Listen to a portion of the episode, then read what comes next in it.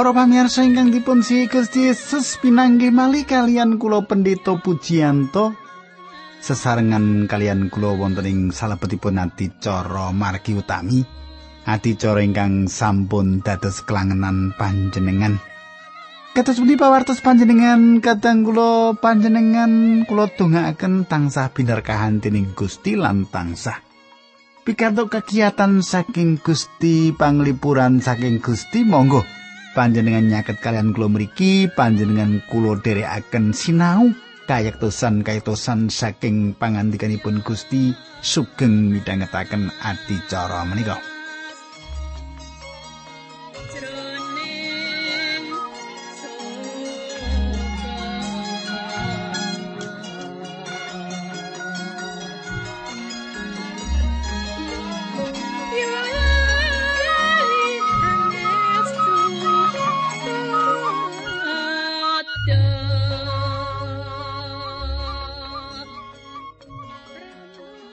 pamirsa ing pepanggihan kepengker kita sampun nyemak kados pundi tekad kangge bangun malih tembok Yerusalem. Salajengipun kados pundi kelajenganipun kita badhe nyemak samenika nanging saderengipun monggo kita ndedonga langkung rumiyin. Duh Kanjeng Rama ing swarga kawula ngaturaken gunging panuwun menawi wekdal menika kawula saged tetunggilan kalian sedherek kawula ingkang setya tuhu midhangetaken adicara menika. Kawula pasrahaken nanti cara menika wonten ing asta paduka linambaran asmanipun Gusti Yesus Kristus kawula ndedonga. Haleluya. Amin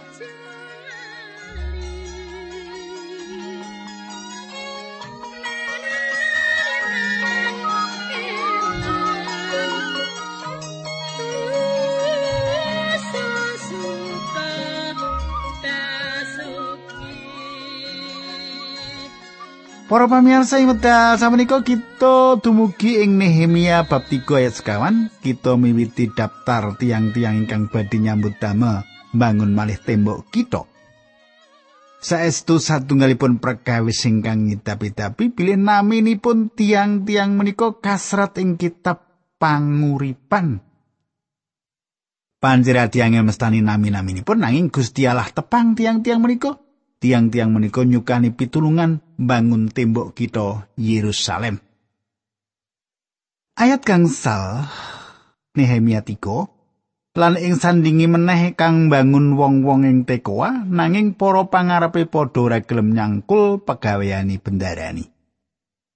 Para pamirsa para pengajeng menika ketingalipun gadah pikiran pilih para pengajeng menika badanipun rumaos kesaenan lan boten pantes nindakaken jinis pendamelan kados menika utawi saged ugi wonten jalaran-jalaran sanes. Tanganipun pengajeng menika alus lan resik kanthi makaten para pengajeng menika boten nate mbayangaken ngangkat selo-selo kangge ndandosi tembok-tembok Yerusalem.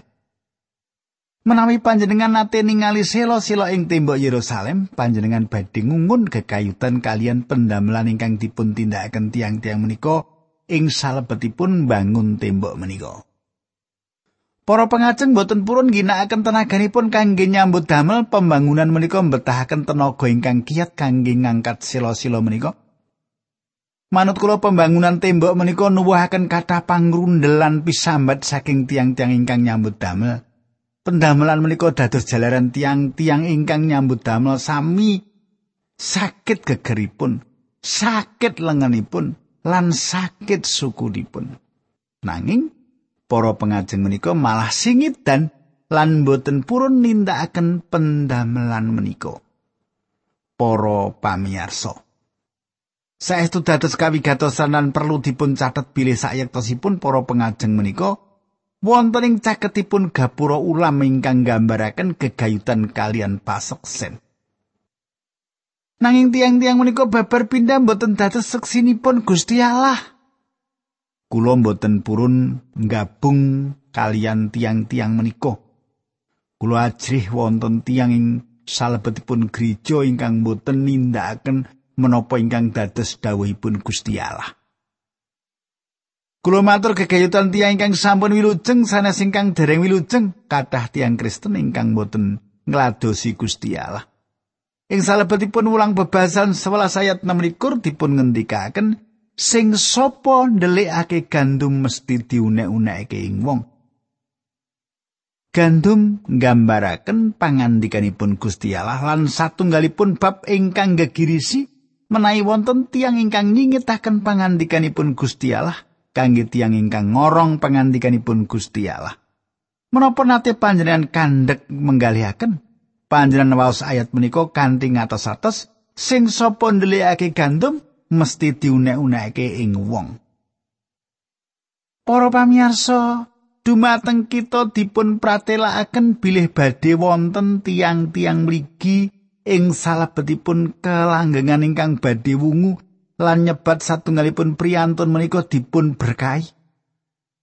Manut kula badhe wonten tiang-tiang ing salebetipun neraka ingkang badhe wungu lan ngipati-pati sawetawis tiang ingkang wonten ing kasuwargan awit tiang-tiang menika nyingitaken gandum.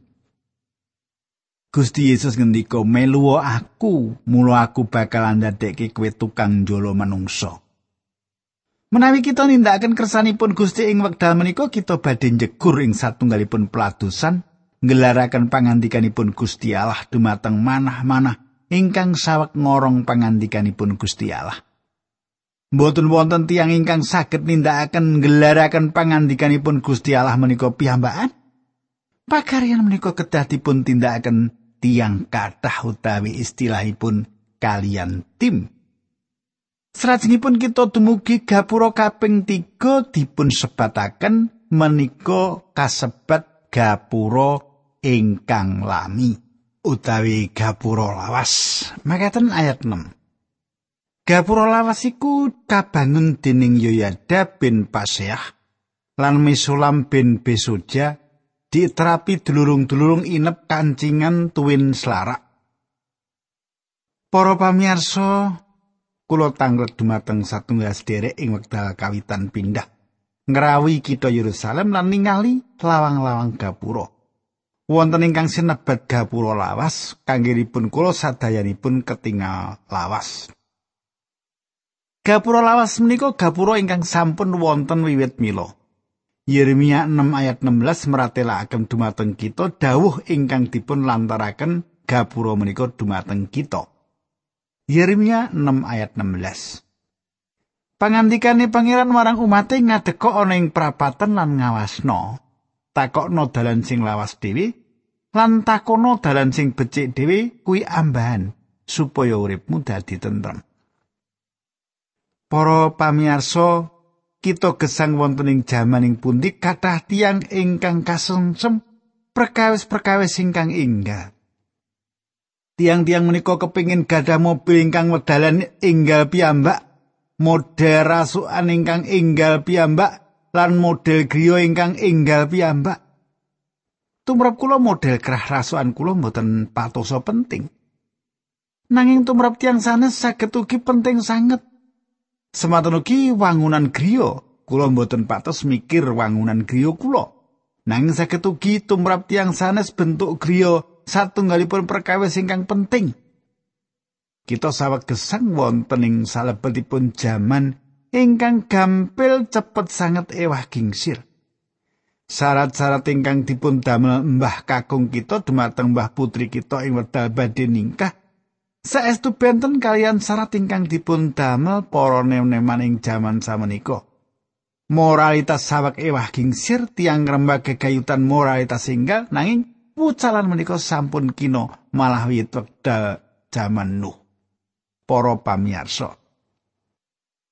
Inggih madosi terus satunggalipun perkawis ingkang inggal menika ingkang ngadamel kita dados frustasi utawi cuwa ing manah. Inggih awit saking perkawis kedah tiang ingkang ngadepi margi ingkang cuntel tanpa gadah rancangan menapa kemawon ing gesang menika.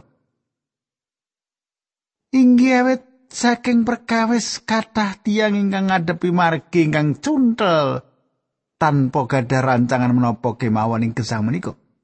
Yeremia meratelaken bilih kita perlu nangketaken margi-margi ingkang lawas sanget Awit ing mriku kita badhe manggihaken kalegan kangge nyawa kita. Mboten kok mlajeng dhateng dokter jiwa lan budidaya nindakaken cara-cara inggal menika lan menika. Menapa ingkang setosipun kita tindakan inggih menika sowan dumateng panjenenganipun ingkang ngendika. Matius 11 wolikur ayat tigang doso Podo mreneo kue sing podo saya Mergo mikulapet Kue bakal ndak parengake ngaso dawuh kula konono lan pituturku gatekno atimu mesti bakal ayem mergo aku iki alus sing budi lan anda pasor.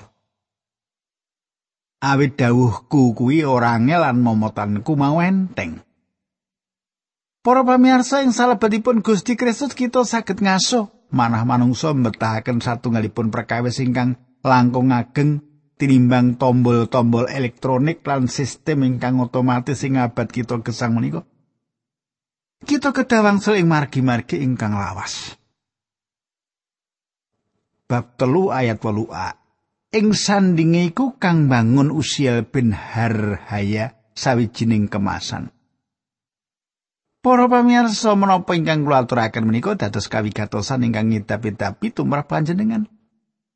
Selo-selo ing tembok Yerusalem kados ingkang sampun kula teraken saestu ngidapi-dapi sanget dening awrat bobotipun. Tukang kemasan sampun kulino lenggah kursi lan nyambut damel kanthi ngangkat emas alit. Tukang kemasan menika mboten kulinten nyambut damel kalian selo-selo ageng sinaosa kados makaten tiang-tiang kala tetep nyambut damel kanthi saestu estu bangun tembok lan terus terus dipun tindakan. Gusti Allah nyerat pambudidayanipun tukang mas menika lan nyerat menapa ingkang dipun tindakaken tukang kemasan menika. Ing jaman samenika wonten tiang-tiang ingkang saestu estu rilo korban kangge Gusti Allah. Lan menapa ingkang dipun tindakaken menika saestu angel dipun tindakaken tiang-tiang menika emut Gusti Allah nyerat menapa ingkang dipun tindakaken. Bab telu ayat 8 b ing sandingi meneh kang bangun hananya tukang lengo jebat anggone bangun Yerusalem iku nganti tutuk ing baluwarti ombo. Para pamirsa apoteker menika tiang ingkang ahli obat. Tiang-tiang menika remen damel pil-pil obat. Apoteker menika mboten damel pil ingkang langkung ageng supados panjenengan untal. Nanging tiang-tiang ingkang pendamelanipun damel obat menika nyambut damel kanthi saestu kalih selo-selo ageng. Tiang-tiang menika saestu estu ngangkat ugi ngangkat selo karang. Gusti Allah mirsani tiang-tiang menika lan nyerat ing pangandikanipun menapa ingkang dipun tindakaken. Kula remen ningali tiang-tiang ingkang nyambut damel saestu-estu ing jaman samenika. Kula tepang Sawetawis pendhita ngladosi Gusti kanthi saestu-estu rila kurban ing salebetipun peladosan Gusti malah wonten abdi Gusti ingkang boten melu kesarasanipun piyambak ing salebetipun pakebonanipun Gusti. Piyambakipun nyambut damel luwih saking ingkang ketahipun. Para pamirsa menawi gereja panjenengan gadah pendhita ingkang sae lan piyambakipun nyambut damel kanthi saestu-estu, Panjenengan kedah caket tiap di Gusti menika lan panjenengan sanjang menawi panjenengan ndongaaken piyambakipun. Panjenengan sanjang supados sanggenipun ngladosi ampun ngantos kebanteren para abdi Gusti Allah saestu dipun betahaken ing jaman samenika. Bab 3 ayat 12 Nehemia. Ing sandinge iku kang bangun Sang Salom bin Halohesi kang ngasta panguwasa ing sapinggiring wewengkon Yerusalem dalan putra-putrani putri. Para pamirsa, panjenengan kedah nyerat perkawis menika ing sakiwa tengen kita wonten gerakan kebebasan wanita lan tiang-tiang menika dumugi ing Yerusalem ing jaman Nehemia gesang. Tiang-tiang kalawa sanjang kula sami badhe kesah medalan tetulung bangun tembok Yerusalem tiang-tiang jaler sampun nindakaken kula sami ugi badhe nindakaken ingkang sami. Cetha salom menika lari halohes. Halohes mboten gadah lari jaler dados larinipun setri ingkang nyambut damel bangun tembok kita Yerusalem. Gusti Allah ngatosaken perkawis menika lan nyerat menapa ingkang dipun tindakaken. Ayat 13 Gapura lebak kebangun dening Hanun lan wong ing Sanoah anggone padha mbangun nganggo dietrapi nep karo kancingan lan selarak karo meneh padha dandani balawarti sewu asta nganti tutuk ing gapura pawuan. Para pamirsa gapura lebak menika salah satunggal gapura ingkang ngarah medal saking kitha Yerusalem mlebet ing salebetipun ngare ingkang saged mapan perangan pundi kemawon saged kita menika awit panjenengan kedang anglebeti ngare kangge saged medal ing Yerusalem. Menika gapura lumantar pundi kathah-kathah saking kita dipun timbali kangge kisah. Ing wekdal kula anggegilut gapura menika kula gadah pikiran gegayutan alaming peteng.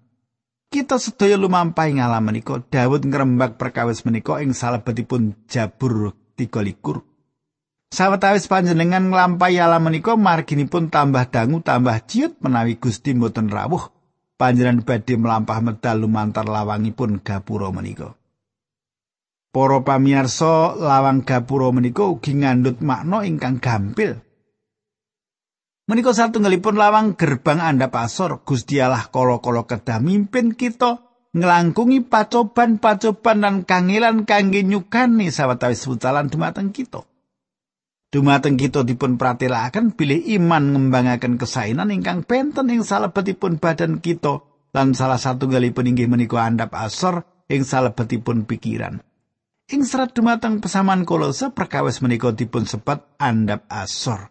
Kolose 3 ayat 12. Perkawis menika satunggalipun perkawis ingkang boten saged dipun kembangaken ing salebeting kegiatan kamanungsan panjenengan. Anda pasor kedah medal saking mlebet Anda pasor menika satunggalipun wah saking Sang Roh Suci. Kulo dipun imutaken kegayutan sederek ingkang sanjang. Dumateng mitranipun aku wis mbudidaya supaya Anda pasor lan saorane aku wis kasil. Mitranipun menika sanjang aku ngerti kowe mbombongake perkara kuwi. Sederek menika atur wangsulan ya wis mesti wae. Panjenengan tingali. Sayektosipun tiang menika samenika mboten andhap asor malih awit piyambakipun mbombongaken ngumukaken anggenipun andhap asor. Inggih to? Andhap asor mboten nate dipun panggihaken atas pambudidayanipun manungsa. Kita dados sandapasor awit saking Sang Roh Allah. Para pamirsa, wonten satunggal cariyos pendeta. Ing medal wonten ing sekolah teologi piyambakipun dados mahasiswa ingkang pinter piyambak. Nalika tasih sekolah piyambakipun dipun suwun gereja ngladosi khotbah. Awit gereja menika mangertos bilih mahasiswa menika misuwur pinter. Inggih panci piyambakipun pinter. Piyambakipun wonten mimbar kanthi patrap ingkang gumedhe. Ewedal jumeneng ing pangajengipun pesamuan piyambakipun bingung piyambakipun manggihaken pilih langkung gampil damel khotbah kanthi tulisan tinimbang khotbah langsung ing ngajengipun umum. Lan wungunipun benten sanget piyambakipun ajrih salajengipun mahasiswa menika nilaraken mimbar kinantinan raos wirang. Piyambakipun supe sedaya ingkang dipun siapaken.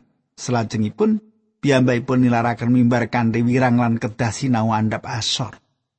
Wonten satunggal ibu ingkang ngatosaken menapa ingkang dipun tindakaken lan manggi sederek menika emedas sederek menika sampun nilaraken mimbar. Wanita kala sanjang he bocah nom menawa wae kowe munggah mimbar padha karo nalika kowe munggah. Mula kowe bakal mudhun kaya nalika kowe munggah. Para pamirsa, Gusti Allah kedah nyekolahaken kita ing sekolah ingkang nglatih bab andhap asor menika.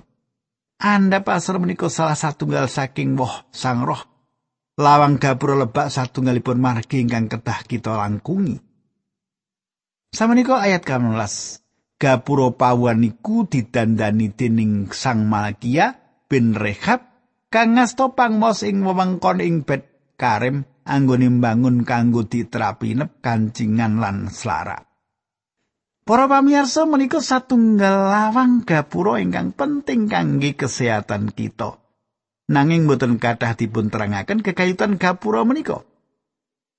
Jaman samenika lawang gerbang pawan ngarah dumateng tembok pisambat ing Yerusalem. Nanging ing jaman Nehemia papan menika wonten ing sisih kilen ler Gunung Sion. Lawang gapura pawan inggih menika papan laran dipun klempakaken lan dibucal wonten ing mriku. ing salebetipun kalih Korintus pitu ayat tunggal dipun pratelakaken.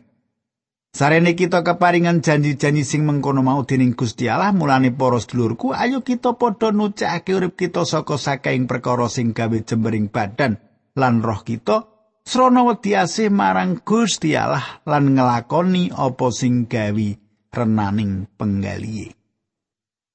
Para pamirsa Paulus meratelaken perkawis menika ing salebetipun gesang Kristen kados ugi ing perkawis ingkang sanes. Panjenengan kula perlu mangertos bilih kita perlu ngakeni dosa kita dumateng Gusti Allah.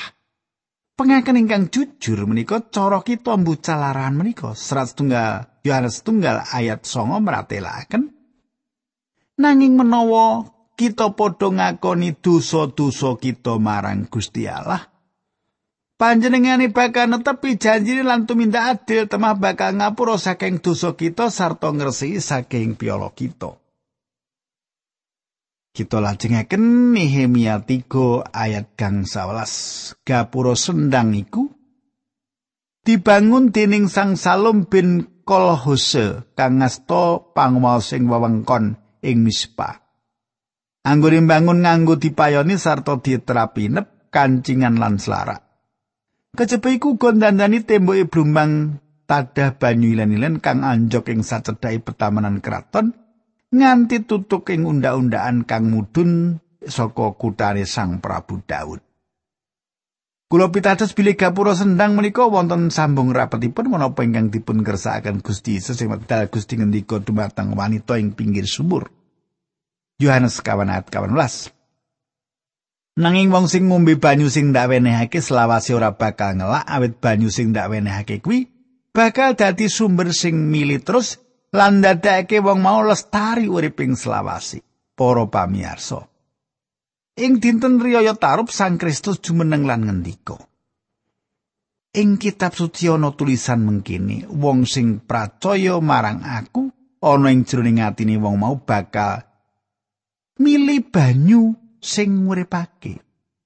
Ing salebetipun ayat salajengipun Yohanes cetaken pratela panjenenganipun Yohanes 7:39 sing dingendikake dening Gusti Yesus kuwi bab roe Gusti Allah sing bakal diparingake marang wong sing padha pracaya marang panjenengane sebab nalika semono Sang Roh Suci durung diparingake merga Gusti Yesus durung sumengko menyang swarga. Para pamirsa ing salebetipun Rom 8 ayat 9 Paulus meratelaken Nanging kowe wis ora manut pangreng daging awit manut pangreng roh semono mau yen roh Gusti Allah dedalem ana ing kowe temenan. Sapa sing ora duweni roh Sang Kristus ana ing uripe, wong kuwi dudu kagungane Sang Kristus. Awit saking menika gapura sendang mucalaken kasunyatan bilih saben tiang pitados dipun dedalemi dening Sang Roh Allah lan piyambakipun perlu dipun kuwaosi dening Roh Allah. Ing wekdal tiyang pitados kapenuman dening Sang Roh Suci piyambakipun boten namung setunggal sumur nanging setunggal sumber toya ing kang gesang ingkang tansah mubalan dados berkah kangge tiyang sanes. Kita sedaya ketahipun dados berkah kangge tiyang sanes dinten-dinten menika ingkang dados berkah kangge sedaya tiyang sanes dinten-dinten menika ing pundi kita manggen. Kita kedah dados berkah kanggenipun tiyang sanes. Sawetawis kita maos pasal menika kita dumugi ing gapura ingkang kaping pitu. Nanging badhe kita lajengaken ing sanes wekdal. Monggo kita tumungkul kita ndedonga sesarengan. Duh Kanjeng Rama ing swarga, kawula ngaturaken gunging panuwun menawi wekdal menika kawula saged tetunggilan kalian sederek-sederek kawula ingkang setya tuhu midhangetaken adicara menika. Berkahi Gusti, dinambaran asmanipun Gusti Yesus Kristus kawula tunggu Haleluya. Amin.